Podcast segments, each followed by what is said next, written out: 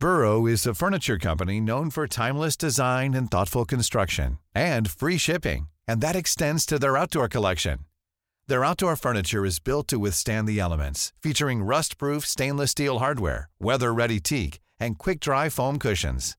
For Memorial Day, get 15% off your Burrow purchase at burrow.com slash ACAST and up to 25% off outdoor. That's up to 25% off outdoor furniture at burrow.com slash ACAST.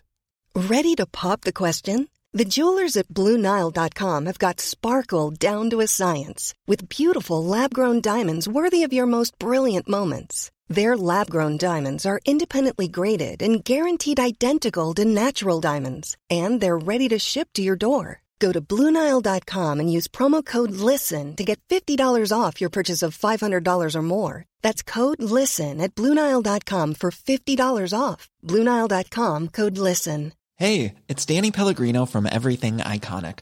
Ready to upgrade your style game without blowing your budget? Check out Quince. They've got all the good stuff shirts and polos, activewear, and fine leather goods, all at 50 to 80% less than other high end brands.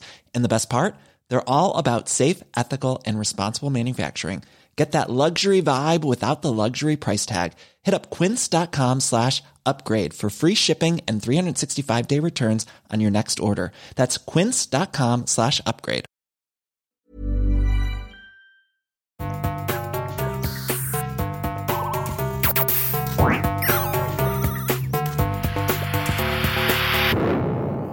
Velkommen til Sinnsyn. Jeg heter Sondre Risom Livre, er psykolog, og dette er Webpsykologens podkast. Hverdagspsykologi for fagfolk og folk flest.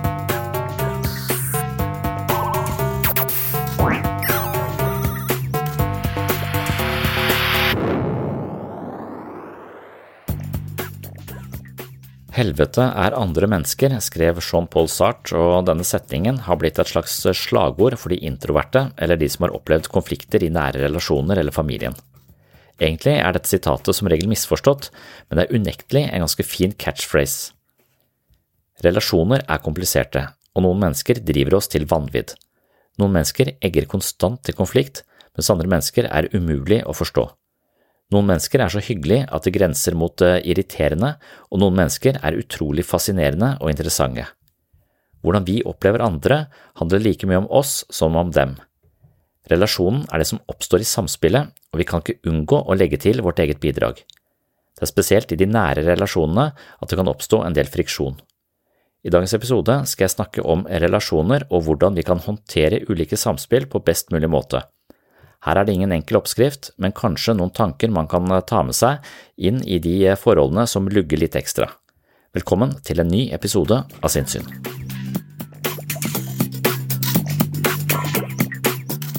I think, first of all, in all that getting, get an understanding. You, you, you cannot forgive what you don't understand. Understanding what makes people do what they do, it doesn't excuse them, it doesn't exonerate them, but it is so much easier to cope with a family member when you understand this is an addiction, this is an alcoholic behavior. You are broken in some way. So I can't expect a radio that's broken to play like a radio that's not broken. Once you understand that, you adjust your expectations to deliverables on the level of the person's capacity. Everybody doesn't have the same capacity. And when you expect somebody to love on a gallon level and they are a pint person, you're going to be frustrated the rest of your life. Ja, hvordan tåler vi de andre? Helvete er andre mennesker. Det er Sartre. Hvis, hvis, du sier at helvete er andre mennesker, da tåler du de sannsynligvis ganske dårlig, tenker jeg. Så en stor filosof uten eh, sosial intelligens. Så hvordan tåler vi de andre? Med høy mentaliseringsevne, sannsynligvis.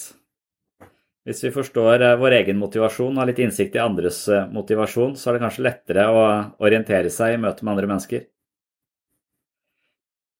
Så er det hele tiden et spørsmål uh, i hvilken grad andre mennesker kan liksom såre oss med, med ord.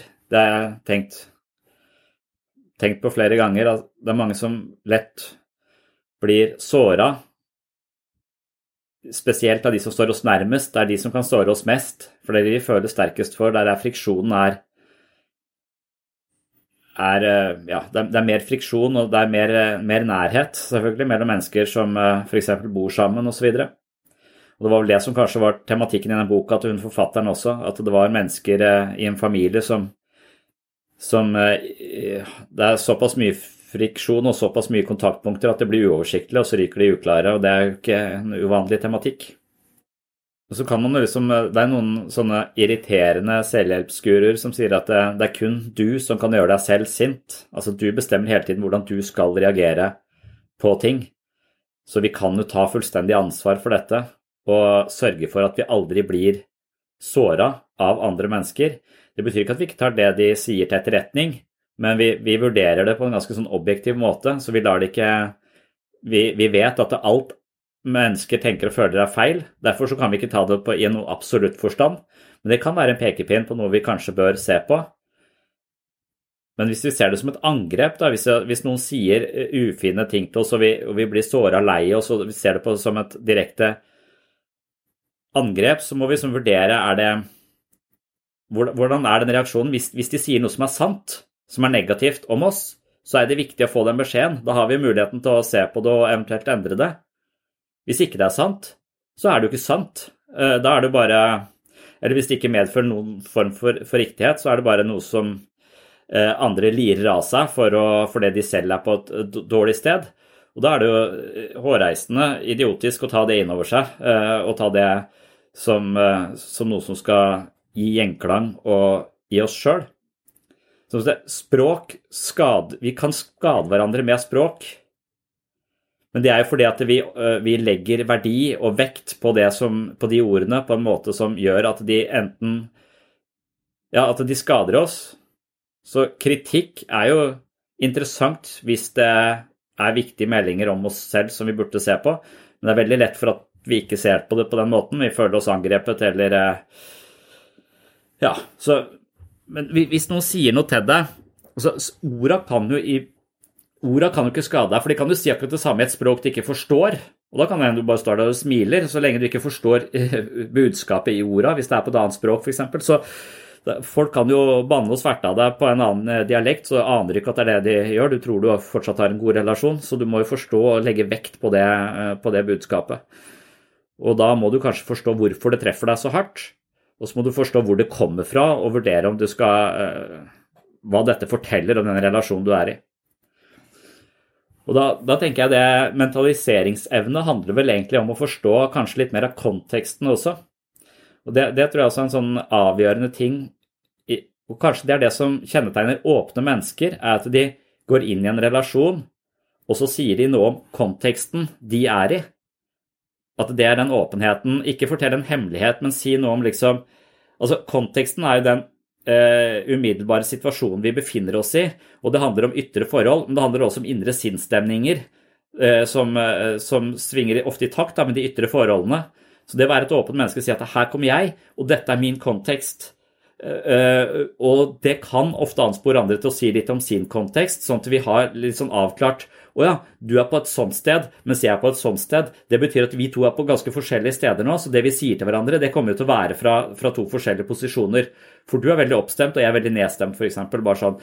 Så for, for den indre emosjonelle konteksten er jo ikke alltid synlig for folk. Og jeg tror åpne mennesker bare sier noen få ord om den, om den konteksten, sånn de, og det er en god inngangsport da, til, en, til et møte med en annen. Ja, for det, det, er nok eh, riktig at det å tåle, tåle sterke følelser er, spiller, spiller en, eh, en, rolle. Men, og det, det, spiller også en rolle i forhold til eh, konteksten, det også. For hvis du forstår konteksten, så er det lettere å forstå sterke følelser. Og, og dette her eh, Vi snakket om sosiale medier sist, og dette her er jo en av eh, de absolutte eh, ulempene med sosiale medier, og også det som er den infernalske forretningsmodellen deres, at det, uvennskap mellom folk, det tjener de penger på. Sånn at eh, jo mer konflikt eh, det er mellom mennesker, jo mer altså, Hvis noen begynner å slåss på torvet, så flokker folk seg litt sånn rundt, eller de strekker seg kanskje unna det, men sånne Vi tiltrekkes uoverensstemmelser på en eller annen måte. Og, og sosiale medier genererer uoverensstemmelser ved at de sørger for at vi aldri vet hva slags kontekst den andre er i. Fordi vi sitter for det første på hvert vårt sted. Vi aner ingenting om konteksten til den andre i det samme kommentarfeltet. Samtidig som at eh, disse sosiale mediene har sørget for at vi har vår helt unike kontekst. Fordi at de hele tiden fòrer oss med eh, tilpassa innhold i feedene, sånn at vi hele tiden blir eh, på en måte manipulert inn i en bestemt kontekst, mens andre er manipulert inn i en totalt annen type kontekst, og så skal de samhandle. Og da har du liksom oppskriften på å ryke uklar. Altså, du vet ingenting. Ingen, du, du, kan være på et helt annet sted enn de andre i det samme kommentarfeltet, og da har du liksom da, da har du lagt eh, grunnlaget for, eh, for, ingen felles referansepunkt. Alle er fremmed for hverandre, og da øker den emosjonelle temperaturen dramatisk veldig raskt. Og det tiltrekker seg oppmerksomhet, og det er forretningsmodellen eh, deres. Det er sånn tydelig tegn på hvorfor, hvorfor folk liksom ryker uklare i sosiale medier, og hvorfor det ofte er konflikt i kommentarfelt osv. Pga. at de sørger for at vi ikke kjenner konteksten, så de fjerner muligheten for mentaliseringsevne mediert av disse såkalte sosiale plattformene, som skal være sosiale, vi skal få kontakt med hverandre. Men så lenge du da sørger for at vi ikke kan ha noe mentaliseringsevne påskrudd i det hele tatt, bortsett fra at vi kan kjenne oss selv, så, eh, så, så er du liksom fucka opp totalt den muligheten for god samhandling mellom, eh, mellom mennesker. Og det er, eh, det, det er sånn tydelig, for det er det som skjer også uten det som er mediert av sosiale medier, at vi i liten grad eh, forstår vår egen kontekst. Vi har mange uavklarte elementer i oss selv, hvor vi hele tiden kommer i en type konflikt fordi at vi Eh, hadde en autoritær far, og derfor har vi problemer med autoriteter. Så hver gang vi møter en autoritet, så blir vi veldig eh, uenige og på bakbeina med en gang, for det er den konflikten vi aldri fikk løst der. Så konteksten er også hele tiden eh, drifta av en hel haug av elementer vi ikke kjenner til. Da. Og Det er Freud sin idé at vi må gjøre det ubevisste bevisst for egentlig bare utvide horisonten din, utvide forståelsen for din egen kontekst. Og Hvis du forstår den bedre, så vil du også ha, eh, være litt god på kontekstforståelse, og da er det mulig du kan forstå andres eh, kontekst også bedre. Og Hvis du kan det, og sier noe om din egen kontekst og ansporer andre til å gjøre det samme, så no, har du nok muligheten for en ganske god, eh, god, relasjon. Og du har også muligheten for å tåle de andre mye bedre. Men, eh, og, og, jeg tenker at det, det, får jeg til en viss grad til i gruppeterapi, for det er akkurat som jeg går inn med den hensikten å undersøke min egen kontekst i forhold til andres kontekst. Men når jeg da er i familieselskap og snakker med broren min, så er ikke den interessen for han kontekst på i det hele tatt.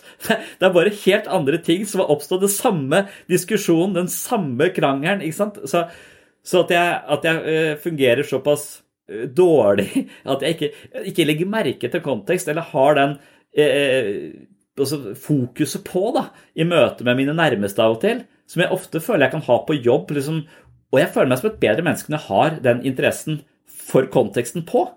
Altså, det, jeg, føler meg mye Ja, det er, det, er my, det er, mye bedre samhandling. Du har interesse for andre. Det er bare positive ting. Likevel så velger jeg å skru den av.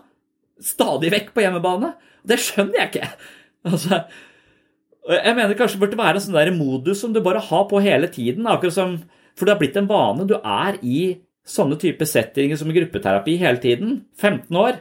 Likevel så har det litt liten påvirkningskraft. Nei, det vet jeg ikke, for det kan være at jeg hadde vært helt stein gæren uh, i sånne settinger hvis jeg ikke hadde vært i gruppeterapi. Så, så det kan godt, uh, godt, hende. Men at den likevel lar seg skru, at du blir sånn fanga og får skylapper og blir irritert og liksom går inn i det, det, det samme når du vet hvor mye bedre du har med deg sjøl hvis du ikke gjør det. Det er fascinerende. How could you not know what she was mad about? Because she didn't tell me. She just freaked out. I cannot believe you, Phil! How could you? What is happening? What what did I do? Are you serious? You are. You don't know. We've had this conversation a hundred times. You know, no, no, I'm not. I'm not doing this again. You tell me what you did. Uh. Uh. Was, Was it? What? Eh? No, Phil. No, no, no, no. No, I'm going to get some air. Claire! No, don't follow me. Happy Valenbirth anniversary! At man, at man rett og slett mangler uttrykksevne. Derfor så, så, får man ikke sagt noe, noe som ikke er en uvanlig drøm. Altså at man står i en eller annen veldig, kanskje f.eks. en ganske kritisk situasjon, og så skal man rope ut til de som er rundt for å advare de eller noe sånt noe, men så merker man at man har ikke, man har ikke lyd på stemmen.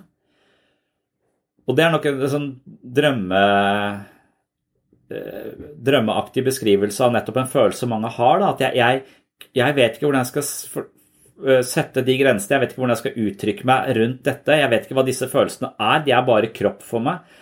Og derfor så er jo det å kunne beskrive sin egen kontekst, ja, det vi kaller mentaliseringsevne, kanskje noe som er nødt til å læres. Eh, litt sånn som at eh, jeg kan jo ikke male, men jeg kunne sikkert lært det. Altså, jeg kan ikke uttrykke meg med, med pensler. Jeg kan uttrykke meg sånn, lage en pinnemann, en mann, men det er veldig veldig lite jeg kan klare å uttrykke med en pensel. Mens noen har et kjempestort vokabular, det er ikke et vokabular, et, en uttrykksevne der sånn, hvor de kan formidle veldig mye via farger og, og pensler, mens der er jeg eh, et analfabet. Men så kan det være andre som bare har det, de kan uttrykke seg på den måten, men de klarer ikke å få uttrykt seg i møte direkte med en annen person. Eh, og da, og, og da blir det litt stressende å skulle få fram uh, maleskrinet, liksom, uh, i, en, i, en, i, en, konflikt i, i, barnehagen. Så ja, vent litt. Uh, ja, så skal jeg bare male hva, hva, jeg føler skjer i denne situasjonen. Det er en fin uttrykksevne, men er ikke, den er jo ikke anvendelig sånn på farta i like stor grad som språket vil være. Derfor er vi litt, litt avhengig av at vi lærer oss å Eh, sette ord på følelser. Eh, si hva de følelsene er. Ehm, og ja. Jeg var på bokhandelen i går, kjøpte noen sånne små bøker eh, om følelser med dattera mi på fire, for hun har hatt litt vondt i magen. Uh, og jeg tror det er fordi jeg har krangla med kona mi i, i går. og vi har rydda opp i det nå, så vi krangler innimellom. Og da tror jeg hun blir redd, men hun vet ikke hva det er. Eh, men de bøkene er fine da, for de gir oss et språk som er tilpassa. For jeg veit jo ikke åssen fireåringer snakker om følelser. Jeg syns bare de uttrykker de med å kaste ting. Eller, de uttrykker de på eh, sånne måter jeg må avkode. da, som jeg kan, Men det å klare å finne at hun ble trist, f.eks. At boka var trist. Eh, det er jo sånn vi, vi går på biblioteket for å lære om vår egen kontekst, akkurat som vi går på biblioteket for å lære om annen verdenskrig. Så, så det er Ja. Hvordan Eller vi går i terapi for å, for å uttrykke For å bli kjent med de sidene av vår egen kontekst som foreløpig ikke har noe språk, ikke, ikke, ikke synes for oss, men bare kjennes i kroppen.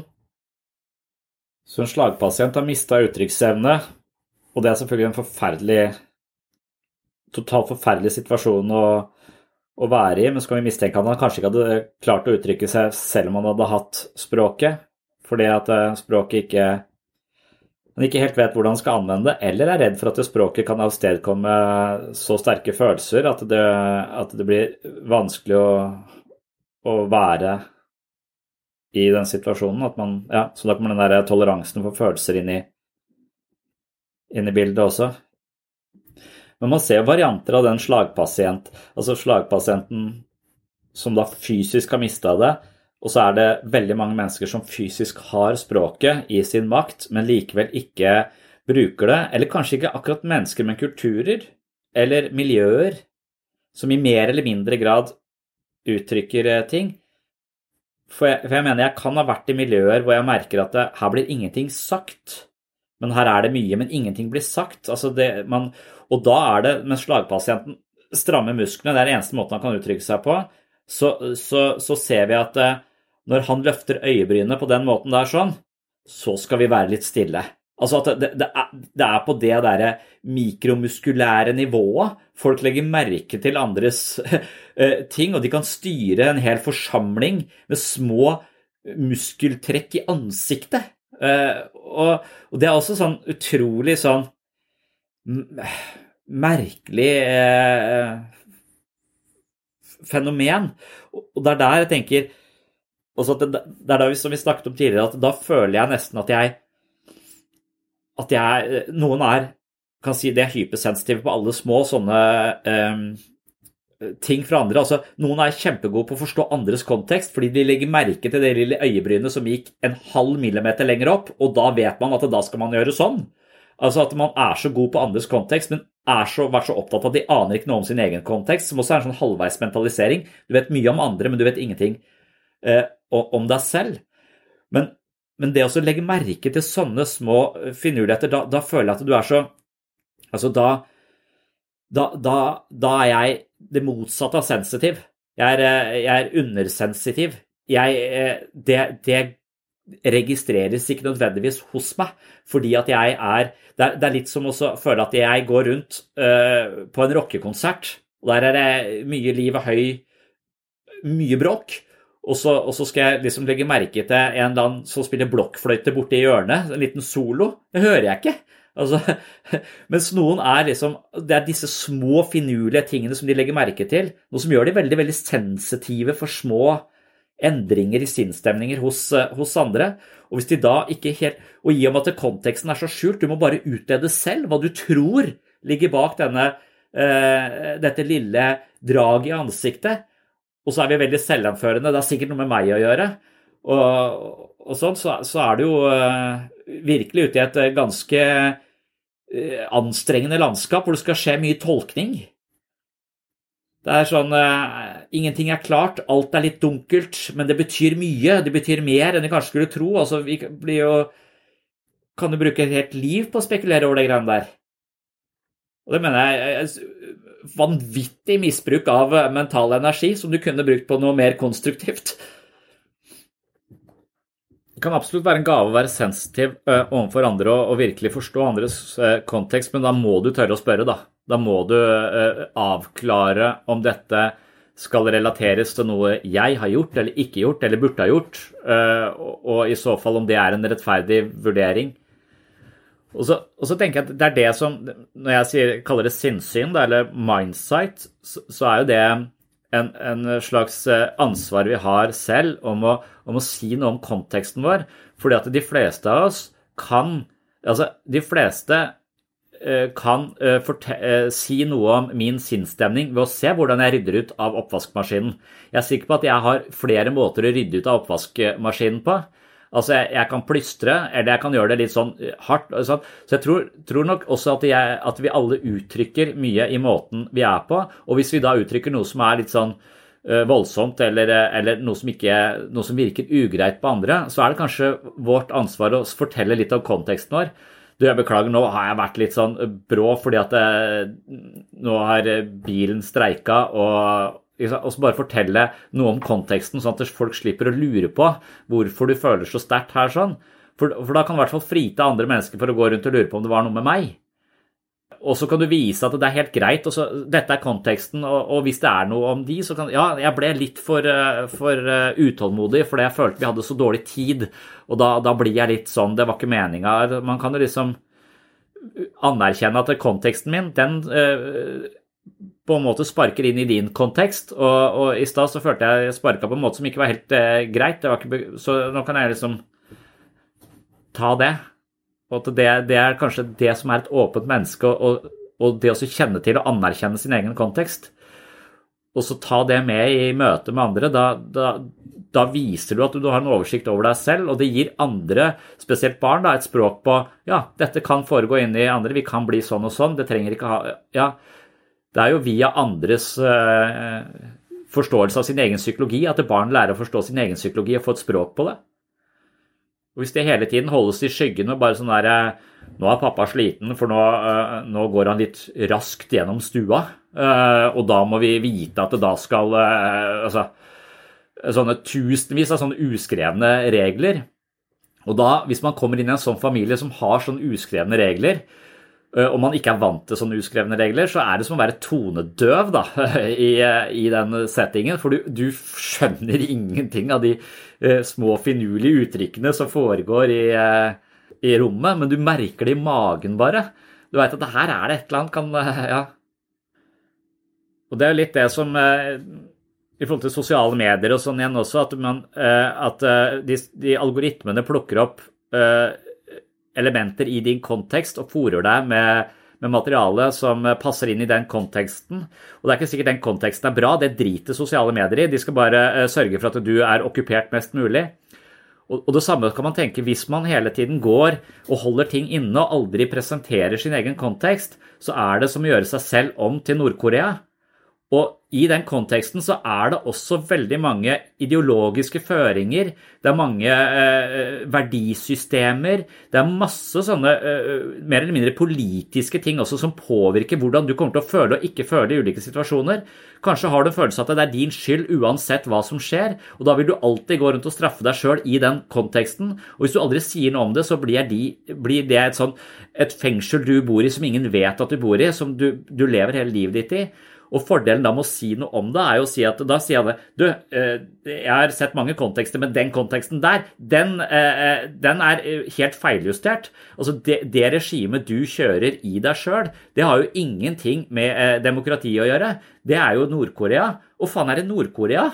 Da må jeg åpne grensene mine litt, kanskje, for, for, å sørge for at jeg får noen innspill som ikke Så, så ja, ensomhet ved å aldri fortelle noe om sin egen kontekst, da kommer du til å være fanga i et slags privat ekkokammer.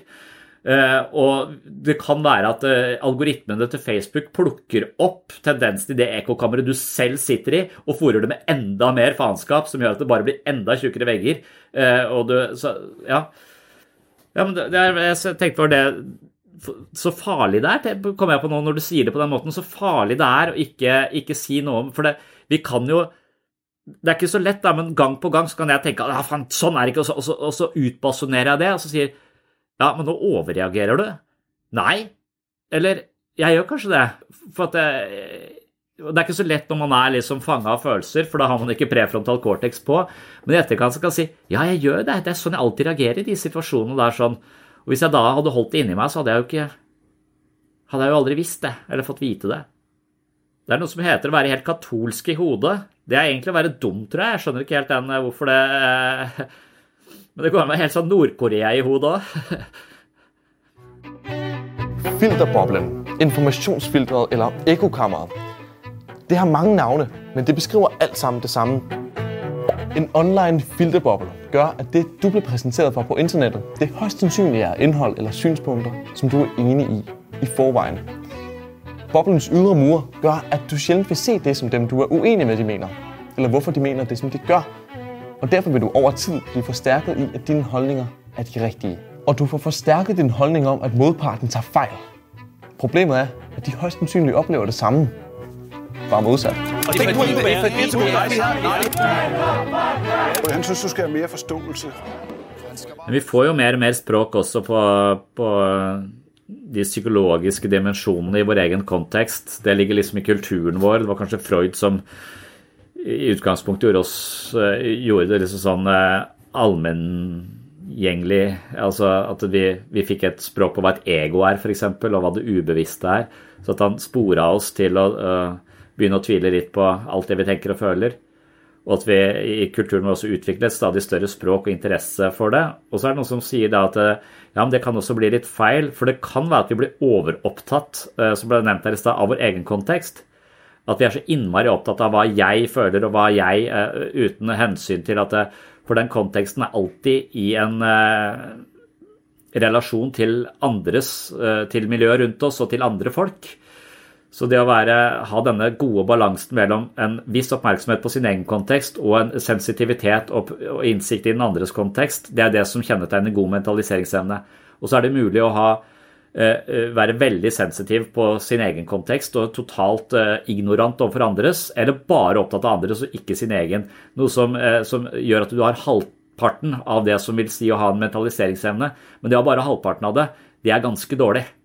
For det, det, det, skaper så, det, skaper ingen form for balanse. Det skaper psykisk lidelse og total ubalanse. Enten du er bare opptatt av deg sjøl eller bare andre, nesten sagt.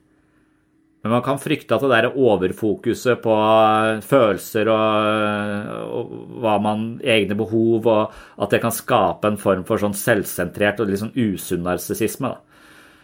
Eh, og at man, eh, man, lager så mange sånne det er vel det, de som er opptatt av livsmestring og sånn, de er redd for at det skal liksom uh, komme en, en, ny hva skal vi si, sånn uh, slags uh, psykologisk rammeverk hvor folk begynner å gruble på alt mulig som Ja, vi skal ikke kanskje være for det blir galt for det, og det, ikke, ja, at det blir for mange standarder. da, At man får for mange sånne standarder eh, å forholde seg til eh, og gruble på i forhold til hvem jeg er og hva jeg burde gjort og hva jeg ikke skulle gjort, og så hva er psykisk sunt og hva er ikke psykisk sunt. Så, så blir du sånn overopptatt av, eh, av, psykisk helse på en måte som eh, fanger deg i din egen navle.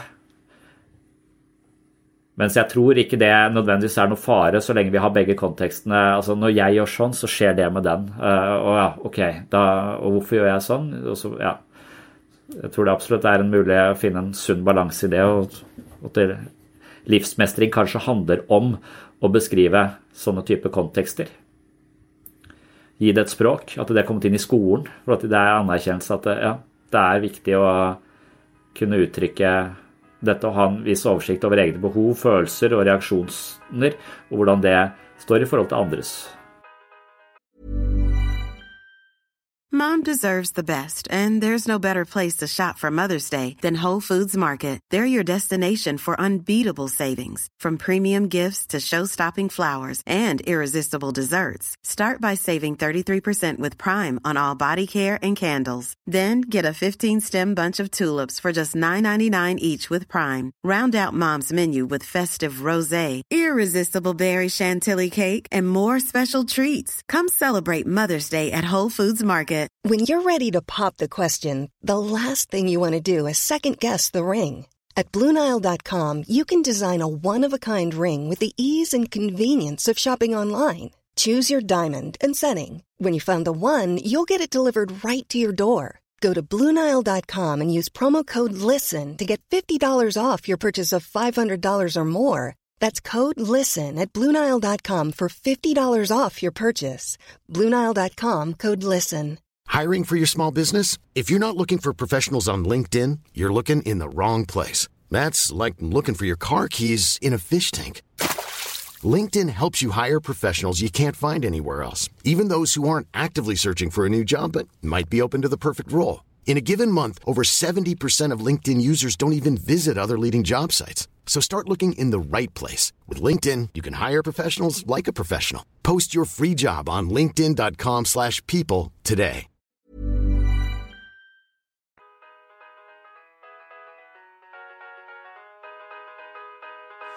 Just another day for us hypersensitive. We must take precautions on how we live. Walk outside with the sun in my face, burns my eyes, it feels like maze. I get a call when I cross the road, radiation too strong, put it in flight mode. I react to electricity, I itch from the sign at the bakery. It fuels my gluten allergy, cause tree is my enemy. So we jump into a taxi to be alone with our emotions. The driver smells incredibly um, jasmine body lotion. Hypersensitive. I get a tinnitus from the minute buzz. Highly sensitive. I get a migraine from the traffic lane. Mega sensitive. It's too many impressions. Super depressive. I play the digital trumpet. Men det er merkelig for meg, f.eks., som er litt over 40, å lese 'Markens grøde'. Det er en av de bøkene som liksom bare sånn Wow, den, den gikk, gjorde så sterkt inntrykk på meg, for der er det en karakter som ikke prater. Og han har ikke slag heller. Han er bare Isak fra Sellandrå, liksom. Han er bare Han har ikke noe språk på uh, psykologiske ting. Han er bare ute og hogger ved, kommer inn, spiser mat, går og legger seg. Og så ved en sånn mirakel så får han en kone, liksom. Og de prater jo selvfølgelig heller ikke sammen. Men uh, utpå våren så skjønner han at uh, det er noe på gang, for magen har vokst. Og så utpå høsten så kommer, så, så kommer, han hjem, og så ligger en, en unge, for da har hun vært i bekken og født i løpet av ikke sant? Og de har ikke snakka om dette.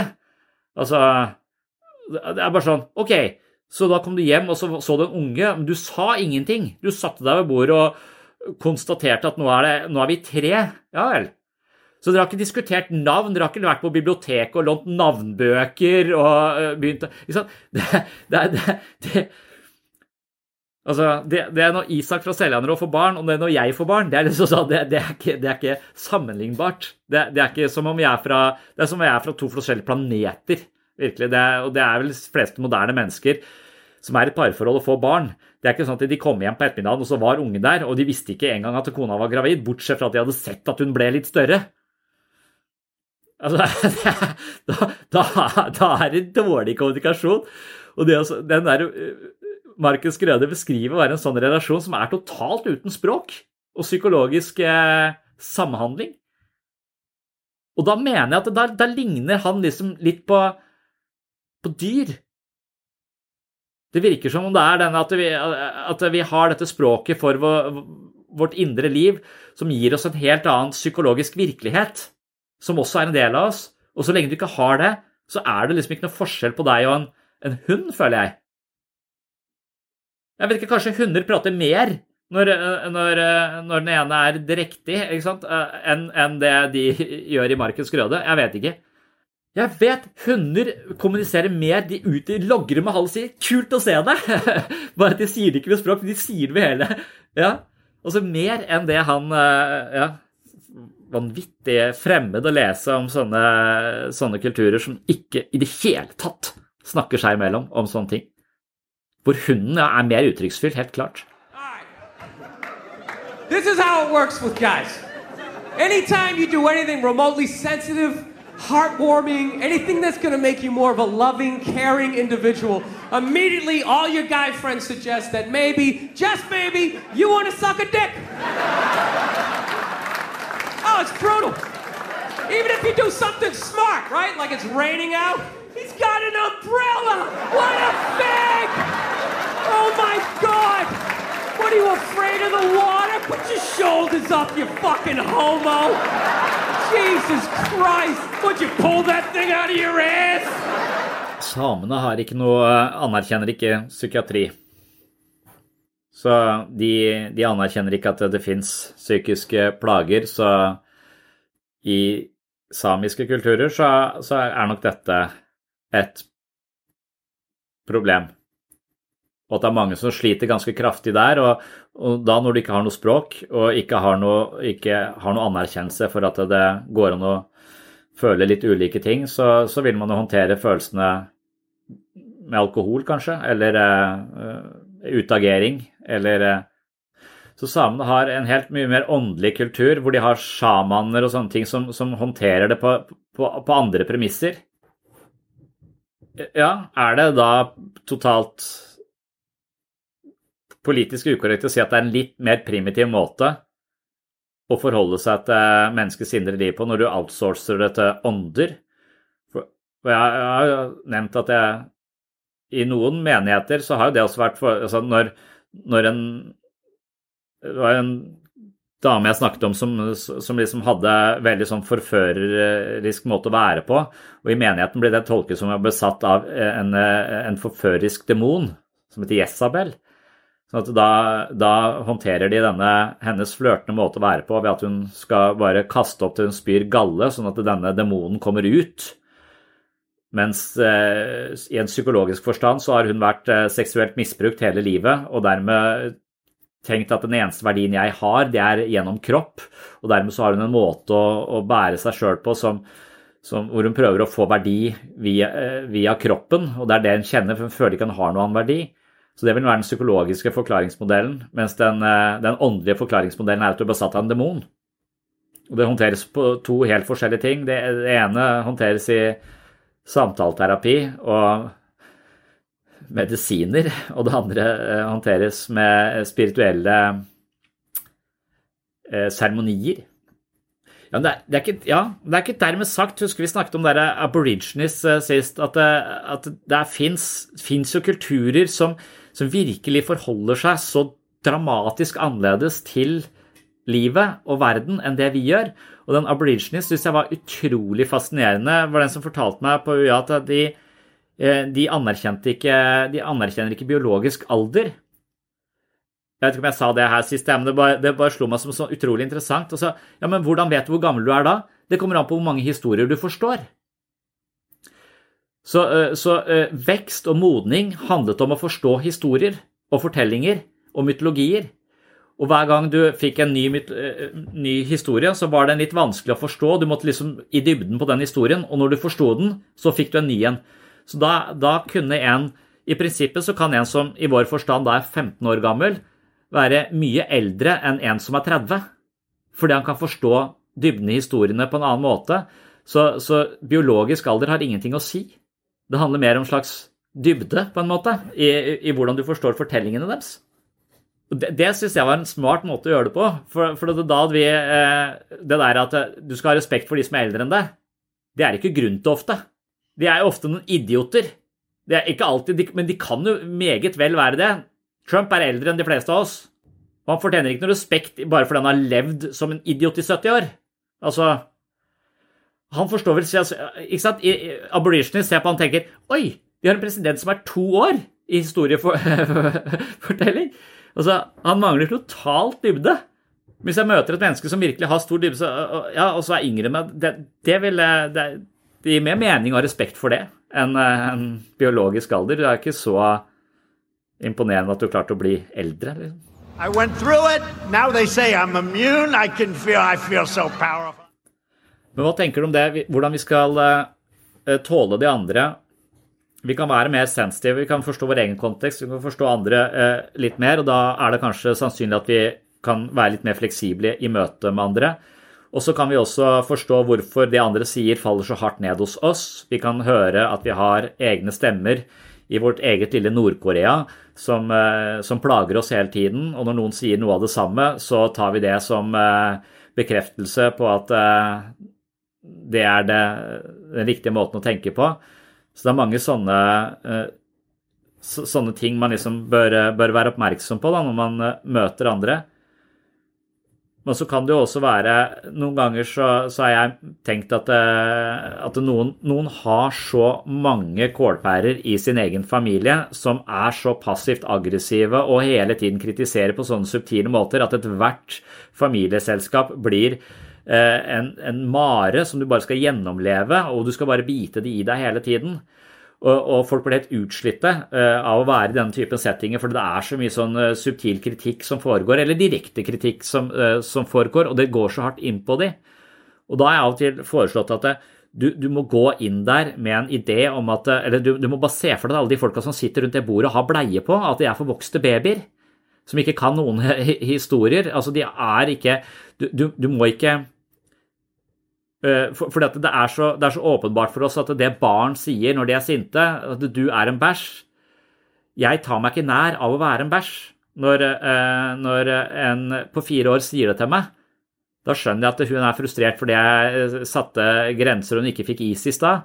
Og så eh, jeg går, jeg går ikke ned med flagget da og tenker 'å nei, jeg er en bæsj'. Men, men andre mennesker kan si noe til meg, og de er voksne, men det er fra et bæsjenivå. Og, så, så, så tror jeg på det, liksom, eller så tar jeg det innover meg. Så, så man må liksom hele tiden vurdere avsenderen. Hvor, hvor mange historier kan den avsenderen som sier dette til meg? Hvis de bare kan noen få, så er det sannsynlig at det de forteller meg nå, ikke bør få så mye tyngde i mitt indre liv. Jeg vet, Det er sånn NLP-teknikk, sånn der nevrolinvistisk programmering, som er en kvakk, kvakksalver, egentlig, men som sier at du skal se for deg at folk har rød nese innimellom. For å klare å prosessere det som kommer fra dem, og at det ikke går, går rett i, i hjertet på deg, liksom. Kan det være en teknikk man kan bruke i møte med folk som ikke har lært seg så mange historier? So the London mayor, who is not on good terms with Trump at all, gave approval earlier this week for the Trump baby to fly in the streets, saying it's a peaceful protest. Yep, the Trump baby is wearing a diaper and has his phone in hand so he can still tweet. And he's flying right near the Houses of Parliament. Now, in an interview with The Sun, Trump wasn't feeling very loved by the Brits. to make me feel uh, unwelcome. No reason for me to go to London. Uh, I love. I used to love London as a city. I haven't been there in a long time. Uh, I think your mayor has done a terrible job. But when they make you feel unwelcome, why would I stay there? Now, I, and when I say that, I'm talking about government because the people of the UK agree with me. Det er vel det som, det er derfor kanskje psykisk helse er vel så mye kondisjonstrening som eh, forståelse. For forståelsen har vi, på en måte. Vi vet at det å zoome ut og forstå ting i et, i et større perspektiv, det vil regulere de følelsene vi har som reagerer litt overilt på fordi vi, vi er fanga av ett perspektiv. Så, så, dermed så er det, er det ganske naturlig at eh, hvis du forandrer deg psykologisk sett, så er det fordi at du utvider eh, At du er mer bevisst til stede i hver situasjon. Istedenfor å bare gå på autopilot, så har du med en slags eh, bakenforliggende bevissthet på det som foregår. Så du har prefrontal cortex skrudd på hele tida. Og det er litt slitsomt. Det, men det må man hele tiden. Man må være mer bevisst for å justere de automatiske responsene hvor man typisk trekker seg ned, eller typisk blir lei seg, eller typisk går ned med ikke sant? Hvor man hele tiden reagerer på autopilot. Så, så, da, så, så lenge du Hvis du klarer å trene på å være bevisst til stede, så blir du sterkere. Og da er spørsmålet hvor mye innsikt trenger du egentlig for å begynne med den prosessen der, og hvordan gjør man det? Altså det, det ligner mer på det å bli få, få, høy grad av, av kondisjon ved å, ved å, trene hver dag. Du, du, du, kan jo lese bøker om løping, men du blir jo ikke så mye bedre trent av det. Litt sånn med psykologi også, at du kan jo forstå deg i hjel på hva som foregår mellom deg og andre. Men hvis ikke du begynner å justere de tingene du gjør som typisk ender i den og den typen konstellasjoner mellom deg og andres kontekst Hvis du ikke oppdager det, er bevisste når det skjer hele tiden, og klarer også å finne en, en, ny måte å reagere på, en ny måte å håndtere det på, og at det er eh, omtrent like, like lett eller like vanskelig som å få løpe et halvmaraton på fire timer, eller hva man bruker på det. Yes, Da er jeg på Elixia på Lambertseter. Eh, Kevin har hooka meg opp med en personlig trener. Så vi får se om det er dette som skal til for at jeg skal kunne starte et nytt og bedre liv. Jeg er i hvert fall veldig gira. Bra, Kevin. Og skyv alt du kan. Vent, da. En. Nå kommer det et hyl. To. Tre. Kom igjen. Rekk. Og så jobber du. Bra. Og slipper rolig fram. De faller. Nei da, bare slipp det. Jeg er 24 år, og så løper det sånne rosinpeniser rundt her og gjør det bedre enn meg. Det er jo helt utrolig. Se på gamlefar. Dette klarer du. Bestem deg nå. Nå besvimer jeg. Stek opp igjen. Bra, Silje. Legg vekten ned. Åssen var det? Balle. Det var balle, ja. ja. Jeg angrer. Så er han så pen å se på. Så det er liksom... Ti sekunder igjen. Fy Litt til. At vi har tre ganger igjen. Med hopp eller med hele denne? Med hele greia. Nei. Totalt. Kom igjen. Nei. To hopp igjen, da. Nei! Nå vil jeg ikke mer. Nå vil du ikke mer? Nei. Er det hjernen som stopper det, eller er det busken som stopper det? En blanding. Det er en blanding. Så du kan faktisk klare mer hvis du bestemmer deg for det. Men språk og innsikten, det gjør det jo bare synlig, da det det bidrar med, er å gjøre det synlig, sånn at du har muligheten til å se det når det skjer. Nå sier jeg ja når jeg mener nei. Nå tar jeg på meg altfor mye, selv om jeg vet at jeg kommer til å slite meg ut. Fordi jeg føler at jeg bør gjøre det. Nå legger jeg fra meg alt jeg har for å serve noen andre, bare fordi jeg føler det er min plikt. Selv om det egentlig er å gjøre andre hjelpeløse og meg selv til en slave. Nå så jeg det, fordi jeg har skjønt mitt eget mønster. Da sier jeg nei, det gidder jeg ikke. Jeg har holdt på med frimerkene mine. Jeg vet ikke hva han driver med. For da, da vil jo Nord-Korea reagere med sanksjoner, og det er en dårlig samvittighet eh, som dukker opp. Og da skal du tenke aha, yes, jeg har dårlig samvittighet, dette må være et helt riktig. Og skal du kose deg med det, at du har gjort det helt riktig, for nå har du dårlig samvittighet, det er jo akkurat der det skal være. Litt av nøkt, kan du tenke. Det var bakkeintervall på eh, av dimensjoner. Fantastisk. Så mye dårlig samvittighet har jeg ikke hatt på flere år. Jeg kommer til å være støl i morgen.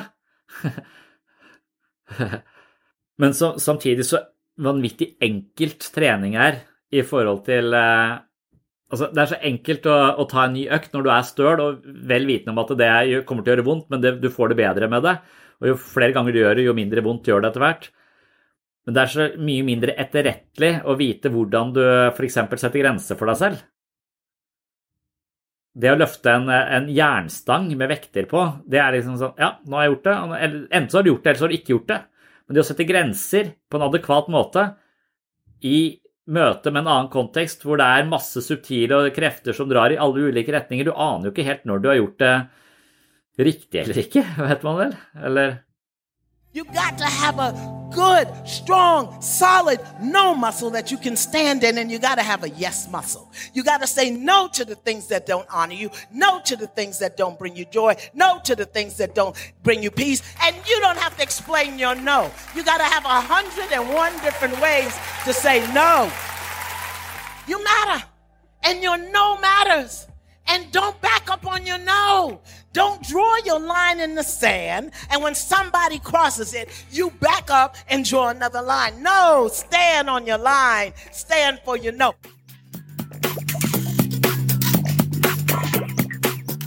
Det er et kjempeviktig poeng. Og så tror jeg eh, folk eh, har en sånn idé om at eh, det å gjøre feil er negativt.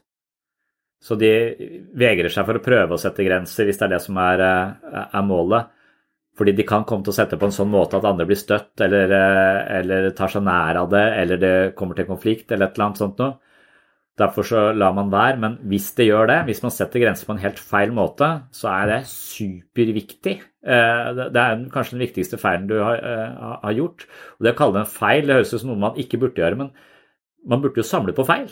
Man burde jo tilstrebe å begå så mange feil som mulig for å få så mye erfaring som mulig. Så igjen så må du ha et sånn metaperspektiv på det. Nå er jeg full av dårlig samvittighet, da er jeg sikkert på riktig vei, for det er den følelsen jeg skal tåle. Hvis det er den følelsen du skal tåle. Du kan jo være psykopat og aldri ha dårlig samvittighet, så da bør du jo tilstrebe å få den følelsen. Så jo, alle har jo forskjellige, uh, forskjellige målsetninger der. Men, uh, men, det samme med da hvis du, hvis du begår feil, ikke se på det som katastrofalt. Se på det som ekstremt viktig og lærerikt. Ja, men noen ble støtt av det, noen ble lei seg av det. Ja, men hvis du ikke hadde Nå vet du om det, så da, da eh, kan du justere det til neste, til neste gang. Kan du eventuelt si unnskyld da, hvis det, eh, hvis det ble Men man er nødt til å, å, feile for å få kunnskap. En villighet til å bare si et eller annet for å se hvordan det, eh, hvordan det blir. Jeg kjenner litt det igjen i forhold til eller når jeg er med barn, da, og så, og så føler jeg meg programforplikta til å gjøre sånn som de vil, tilfredsstille deres behov. Mer mat, mer sånn, mer sånn. Jeg er som en kelner, liksom. Og som en sånn lekekamerat også, som gjør alt jeg får, får, får beskjed om. Og hvis jeg ikke vil gjøre det, så finner jeg på det. Nei, jeg må bare vaske litt. Jeg må bare bli ferdig. Jeg har alltid en sånn unnskyldning. Og, og, og, og det fungerer bare sånn altså, Jeg blir sånn stressa, for jeg må finne på en eller annen sånn god forklaring for hvorfor jeg ikke akkurat nå gidder å krabbe rundt og være hest. Og til, men så, så, vet jeg ikke hvordan jeg skal sette grenser for dette, for jeg, for jeg, tenker jeg skal være en god pappa, så jeg må være hest innimellom. Jeg kan ikke være hest hele tida, jeg orker ikke. Så, så, da plutselig så sier jeg noe sånn som 'Pappa, kan du være hest?' Og så sier jeg 'Nei, det gidder jeg ikke'. Og så merker jeg at det er helt feil å si. Det er ikke helt riktig å si det til barn. Nei, det gidder jeg ikke. Men da har jeg i hvert fall prøvd det. Jeg så bare sånn Hæ? Hvorfor så jeg, Det var bare sånn helt hakk i plata. Og så må jeg justere det og si at nei, akkurat nå er jeg litt sliten. Jeg har ikke så lyst til det. Nå har lyst til å bare eh, rydde opp etter middagen, eller, eller jeg må se på nyhetene. Selv om det ikke er tid til å se på nyhetene. Det vil være en utopisk verden hvor man kan se på nyhetene. Men at man prøver å slenge ut noe, og så skjønte jeg med en gang jeg sier til, til et barn på fire Nei, det gidder jeg ikke. Det er, helt, det er ikke passende. Jeg hører, jeg hører det, men da har jeg prøvd det. Hva skal jeg si? Kan jeg prøve å si unnskyld? Nei, det var ikke sånn, men av og til så er jeg litt sliten, og jeg kan ikke alltid være hest. Og noen ganger så må du leke litt for deg selv også. Så, så må man kanskje i sånne situasjoner eh, av, av, og til bare for å sette, kaste ut noen markører, da, si noe som blir helt feil og ikke helt passende og kan være sårende for den andre, men da, det som da har du slengt ut den markøren der, så da har du noe, et slags referansepunkt for neste gang du skal si noe. For jeg har sagt det samme, samme til sjefen her, og det tok lang tid før jeg gjorde altså at jeg kan eh, si til et annet voksen menneske Nei, det gidder jeg ikke. Men det går helt fint, eh, for han er veldig hyggelig. Men det, det, det sitter jo så langt inn. Det er en sånn feil ting å si. Om du er ansatt her, jeg er sjefen din, jeg bestemmer hva du skal bruke den tida til. Nei, egentlig ja, til en viss grad, men ikke sånn absolutt, liksom. Jeg må jo ha en viss handlingsrom her, jeg også. Så akkurat det der gidder jeg ikke. For jeg kunne tatt meg bryet med å finne en unnskyldning.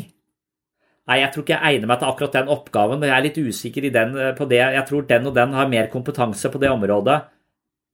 Nei, det ikke, jeg gidder ikke å gå den omveien akkurat nå. Jeg, jeg, jeg gidder ikke det. Man vet ikke om det man sier er sant før det er sagt, og så er det i rommet. Og så kan man kjenne hvordan, Er det sant? Er det ikke sant? Er det passe? Hvordan er dette? Jeg kan ja. Og vi, Det kommer jo an på den andres reaksjon. og sier nei, det gidder jeg ikke. Nei, det skjønner jeg. Du, skjønner, oh ja, du skjønner det. Da er det faktisk innafor. Da er det kanskje sant at jeg ikke gidder det. Uh, og det er kanskje innafor å ikke gidde det også. Det er, betyr ikke at jeg er lat og tiltaksløs. Det betyr kanskje at jeg bare er et vanlig menneske. Dette er innenfor norsk standard. Vi kan, vi kan liksom ikke vite det før vi har lagt ut der. Og så er det litt farlig å begynne sånn veldig dramatisk med sånn 'det gidder jeg ikke', før den andre personen kjenner litt av din kontekst. Så du må kanskje beskrive litt av den andre kontekst som vedkommende vet hvem du er. For du kan risikere å alltid ha sagt ja til en sjef som er ganske sånn ovenfra og ned, og så plutselig sier de 'nei, det gidder jeg ikke', og så sier han 'nei, da kan du gå hjem'. Og du trenger ikke å komme tilbake i morgen. så da har jo plutselig det der 'jeg gidder ikke' kommentaren fått ganske store konsekvenser. Så, så det, det krever, Før man sier noe sånt, så krever det at man har en god relasjon, at man kjenner hverandres kontekst. Så det kommer kanskje tilbake til konteksten igjen. At ja, si ting litt med omhu. For at du sier 'vær forsiktig med det du sier'. Og hvis jeg sier 'nei, det gidder jeg ikke' til sjefen, så vet jeg at den konteksten også imellom bærer det. Og det kan godt være han da sier at 'ja, men det driter jeg i, for at dette her blir din oppgave, for dette kan du best'. Ja vel, da. Så, så, så det, men vær forsiktig med hva du sier. Det har jo vært en sånn uh, ting i det siste i forhold til den amerikanske presidenten også, at de sier helt at ord har betydning. Det presidenten sier, det betyr noe. Fordi at orda hans sørget for at Kapitol ble beleira, nærmest, og, at de ble satt i nesten livsfare, de som var i Kongressen, fordi ting han hadde slengt rundt seg. Så ord har betydning, ble jo også sånn Vær forsiktig med hva du sier. Han burde ha hørt 'vær forsiktig med hva du sier', så det er jo noe Men det bør bare sies til sånne folk som ikke er forsiktige med hva de, hva de sier. De fleste er kanskje veldig forsiktige med hva det, så det, den beskjeden er ikke universell. Den gjelder ikke alle. Alle skal ikke være forsiktige med hva de sier. Men en god relasjon, da er den sånn at man kan teste ut, liksom, man kan si ting, og så kan man la det henge litt for å se om det om man egentlig mener det, for man vet ikke helt om man mener det før man har sagt det, så man bare kan teste det litt ut, og man stoler på at en god relasjon tåler de fleste sånne utforskende ting. Så kan man jo tenke at det finnes liksom situasjoner hvor man i en krangel har sagt noe, og så blir stoppet. Det du sa der, det kommer jeg aldri til å glemme. Og så blir det en slags sånn vegg mellom deg og den andre fordi du har sagt noe som ikke kan tas tilbake, på en måte, som du sa i affekt. Og at ord får veldig sånn Blir veldig ja, jeg vet ikke om det kjennetegner sånn uh, at man, ikke helt forstår hverandres kontekst. altså Mener du virkelig det? Noen ganger så mener man det kanskje, kanskje det, da, men at det en, en god relasjon har et mer lekent uh, forhold til det man sier, for man kan liksom teste ut litt, og, og man vet at man ikke helt uh, uh, Ja, altså når jeg sier 'jeg gidder ikke', så vet han hvor det kommer fra. Han vet at det ikke er helt sant. Det er litt sant, det hadde du ikke så veldig lyst til, men du kommer sikkert til å gjøre det hvis jeg presser deg litt. og kanskje du egentlig får noe ut av å gjøre det, bare du syns det blir Jeg vet ikke. At den relasjonen igjen, Gode relasjoner tåler den utforskningen av hva som er sant og ikke sant. Ja. For vi må både kanskje for oss selv og andre oppleve en slags kontinuitet i den personen vi er. Det, det, må være et slags samsvar mellom den vi var i går, den vi er i dag og den vi har tenkt å være i morgen. Og dermed så vil all forandring måtte skje gradvis. Det må ikke skje sånn over natta som blitt et annet menneske. For fordi at det, da, da veit du ikke da vet ikke du hvem du er, og du veit ikke hvordan du skal bære denne nye varianten av deg sjøl. Andre veit heller ikke hvordan de skal forholde seg til det. Så når man snakker om identitet, så tenker man at det er noe som er litt sånn varig og vedvarende ved oss. Men likevel så tror jeg identitet også er noe som hele tiden forandrer seg, men det forandrer seg såpass langsomt at vi ikke, ikke legger merke til det. Eh, på en sånn veldig overdreven Akkurat som kroppen vår. da, I løpet av ti år så er alle cellene skifta ut. Vi er en helt annen person enn det vi var, men vi legger jo ikke merke til det. Altså Og det tror jeg gjelder utrolig mange områder i livet at det, at det, vi skal, det vi eventuelt forandrer i vår egen måte å være på, det må skje veldig gradvis. Og, men vi er nødt til å bevisst trene på det over ganske lang tid før det blir en automatikk. Og jeg tror vaner og automatikk er ekstremt viktig for mennesker. Og det å kunne gå på det hver gang vi skal ta et bevisst valg om å si det vi egentlig mener, istedenfor det vi pleier, pleier, å si, så er, det, det, krever at vi har det, det, er så, det er så vanskelig. Det er akkurat som å lære seg en helt ny uh, idrett, f.eks. De fleste av oss har prøvd oss på mange ting og tenkt nei, det er bare for vanskelig. Så, så det, det, så, veldig. Men det er når vi klarer å, stå i det over lang tid og får en automatikk i det, at det blir en vane, en rutine i livet vårt. Det blir sånn vi lever. Rutiner er kjempeviktig. Akkurat som trening. Hvis jeg bare skulle trent hver gang jeg hadde lyst til det, så hadde jeg jo aldri kunnet eh, det hadde ikke blitt noe så mye trening. Så, så, det å gjøre ting om til rutiner og vaner i, i, i, reaksjonsmåter, det er det som er denne vanskelige jobben i, i psykisk helse. Å faktisk implementere den, den, endringen man ønsker, og la det bli en, en automatikk i den, i den, den endringa. Og dermed så kan man ikke endre det så totalt over natta. Man må, må, lære seg disse små eh, grensesettende manøverne i hver sving og så helt til det blir eh, helt eh, Helt automatisk. Det må bli siste ord, tror jeg. Nå er vi på overtid. Ja. Yes. Takk for i dag, ja. Takk for at du hørte på Sinnsyn. Er du mer interessert i menneskets indre liv, relasjoner og selvutvikling, så nevner jeg som vanlig at du kan gå inn på min Patron-konto og bli supporter av Sinnsyn og Webpsykologen. På denne måten så støtter du dette prosjektet, og som takk for støtten så får du en del ekstramateriale. Du får flere eksklusive episoder av Sinnsyn, mentale øvelser, videomateriell som ikke publiseres andre steder, og du kan høre meg lese og gjennomgå min første bok, Selvfølelsens psykologi, bedre selvfølelse ved å bruke hodet litt annerledes. Senere vil jeg også lese inn eh, flere bøker, da jeg, meg selv og selvbildet, og til slutt eh, psykologens journal. Ved hjelp av en rekke psykologiske teorier forsøker jeg altså å lage et slags eh, treningsprogram hvor man kan gjøre øvelser som styrker selvbildet, selvfølelsen og mentale muskler. Er du blant de som finner verdi her på sinnssyn og litt over middels interessert i psykologi og filosofi, så er et medlemskap i Sinnsyns mentale helsestudio kanskje noe for deg. Håper å se deg som Patron-supporter. Du finner medlemskapet på patron.com for segs sinnssyn. Ellers vil jeg bare takke for følget. Jeg vil også takke for alle hyggelige tilbakemeldinger jeg har fått i eh, iTunes, det setter jeg stor eh, pris på. Det hjelper også dette prosjektet å rate podkasten i iTunes, da er det flere som eh, har muligheten for å oppdage sinnssyn. Så det er flott med hyggelige tilbakemeldinger der. Det er også hyggelig med tilbakemeldinger i andre kanaler og jeg leser alt som kommer min vei, men jeg får ikke svart på alt, eh, dessverre. Hvis du vil følge det som foregår på sinnssyn, så er det ofte Facebook eh, som er den eh, viktigste kanalen. Selv om jeg har sterke motforestillinger mot Facebook, så er det foreløpig der jeg poster arrangementer, der jeg legger ut nye episoder osv. Men hvis du skal bare følge sinnssyn, så er det jo det å abonnere på sinnssyn i podkastappen du, du bruker, som er det viktigste det å abonnere på sinnssyn, det hjelper også sinnssyn å komme høyere opp i, eh, på listene i, i denne podkastverden.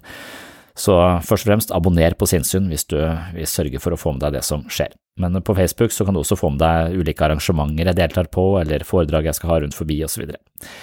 Ja, det var det for denne gang. Eh, takk for følget, som sagt, mange ganger nå, og på gjenhør i neste episode.